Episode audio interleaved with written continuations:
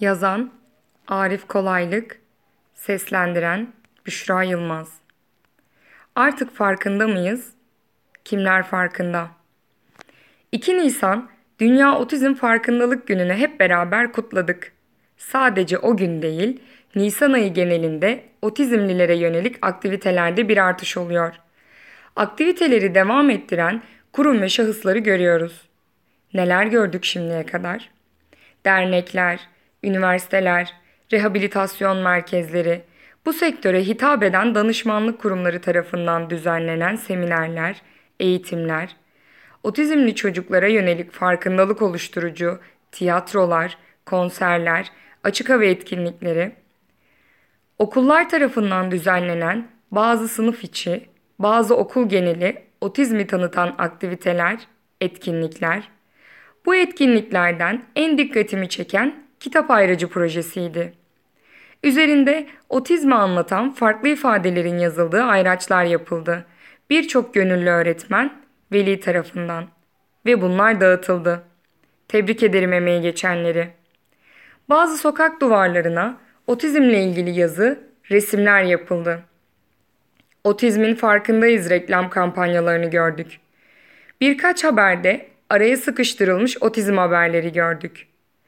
Sosyal medyada o gün otizm farkındalık mesajları gördük. Ama bunların çoğunluğu otizmi dolaylı ve dolaysız yaşayan insanlardı. Yani zaten farkında olan insanlar. Maviler giyindik, balonlar uçurduk, resimler çektirdik, eğlendik, coştuk. Peki neyi göremedik? Otizmli ailelerin eğitim anlamında, toplumsal kabul anlamında yaşadıkları sorunları anlatan yayınlar, birkaç dakikalık değil, belgesel tarzı yayınlar göremedik. Yetkililerden bu anlamda yapılan iyileştirmelere dair bir açıklama göremedik. Çünkü yok.